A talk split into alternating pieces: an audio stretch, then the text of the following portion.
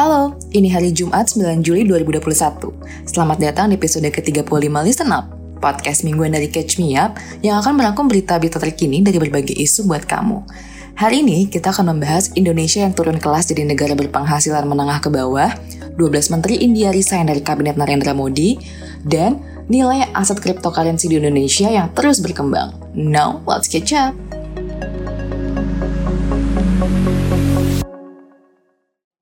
Kita buka berita pertama dengan kondisi ekonomi Indonesia.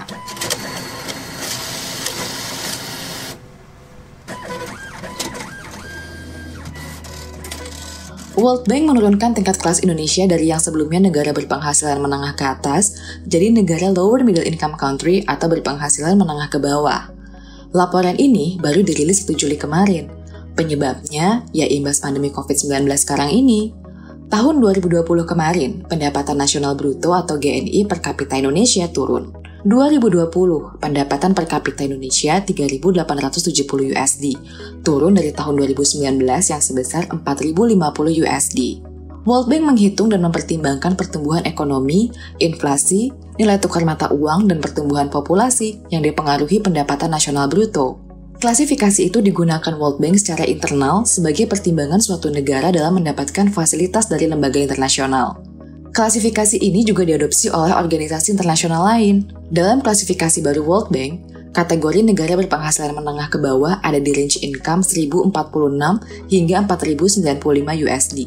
Sedangkan kelompok menengah ke atas pendapatannya ada di range 4096 sampai dengan 12695 USD.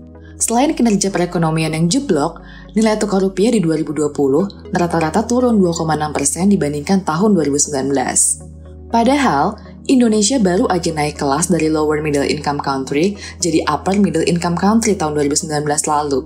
Tapi, sekarang harus balik lagi ke titik semula. Sejak virus corona masuk Indonesia dan menjadi wabah, pemerintah mengambil langkah untuk menekan persebaran virus dengan menerapkan PSBB ketat hingga PPKM dan PPKM darurat sekarang ini banyak perusahaan yang merugi, gelombang PHK terus-menerus terjadi. Dari data Pusat Statistik, per 5 Mei 2021, ada 19,10 juta orang penduduk usia produktif yang terdampak COVID-19.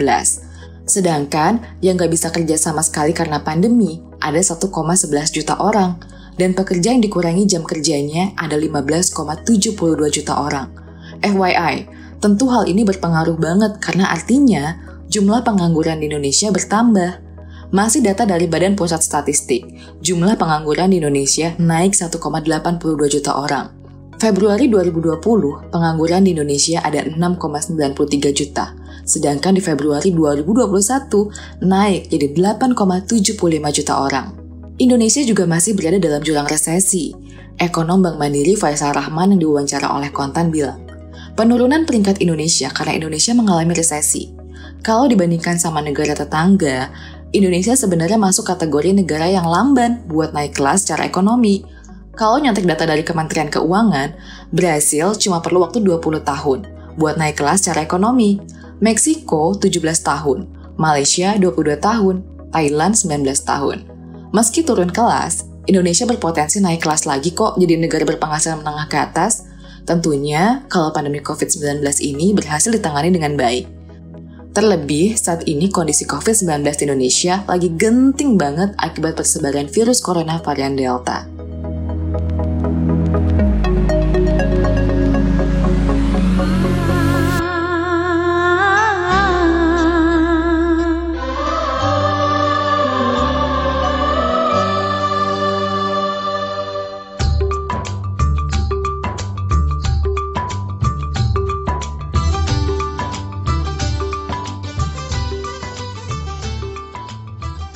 Wah, ada apaan nih sama India? 12 menterinya mengundurkan diri secara bersamaan di tengah wabah corona yang semakin gawat.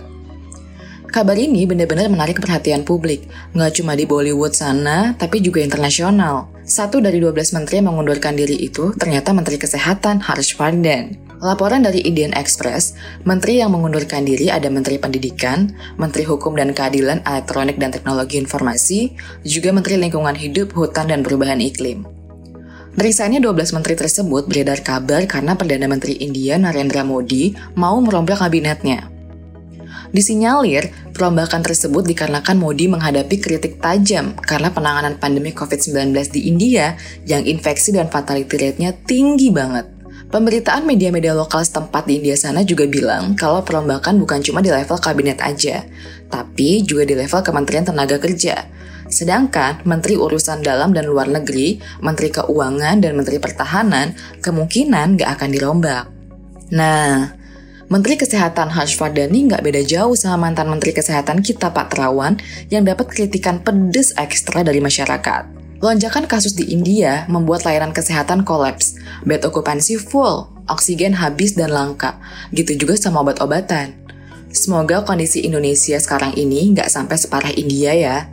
Meskipun sekarang ini kita udah bisa lihat kalau rumah sakit penuh, banyak pasien yang terpaksa isoman, oksigen susah banget nyarinya karena banyak yang butuh, obat-obatan dan vitamin harganya udah berkali-kali lipat.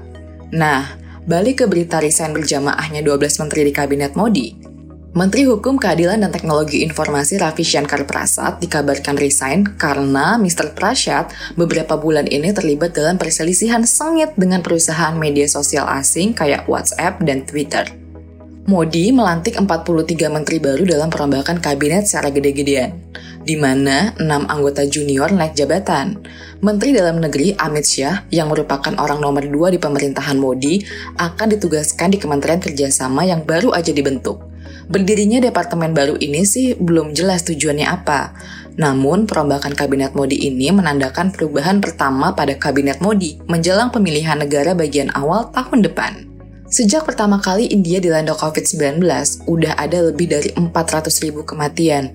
Hal ini menjadikan India sebagai negara dengan kasus kematian tertinggi ketiga di dunia setelah Amerika Serikat dan Brazil.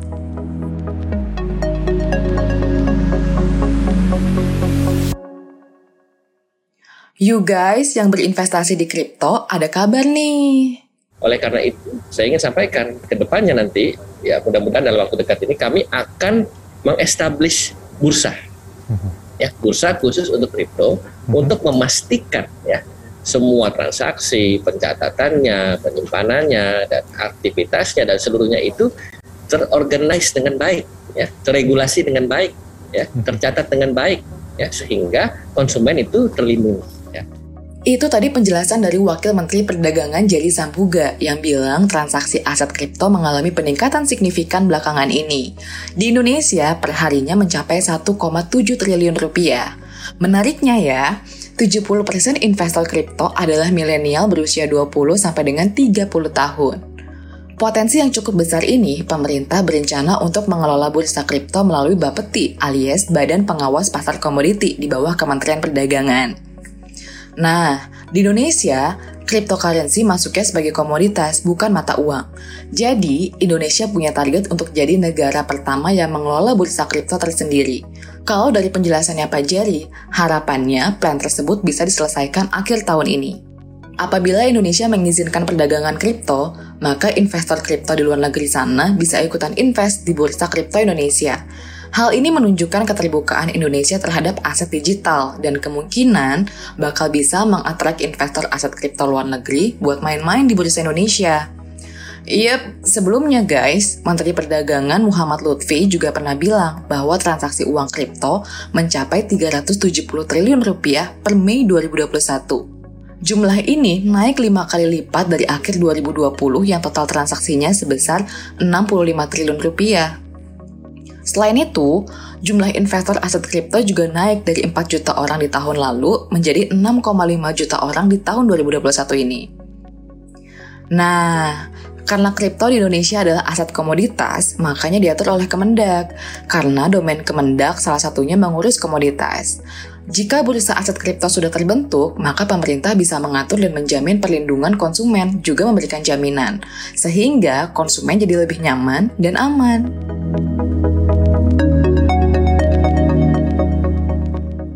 Terima kasih ya udah didengerin. Stay safe, stay healthy, happy weekend.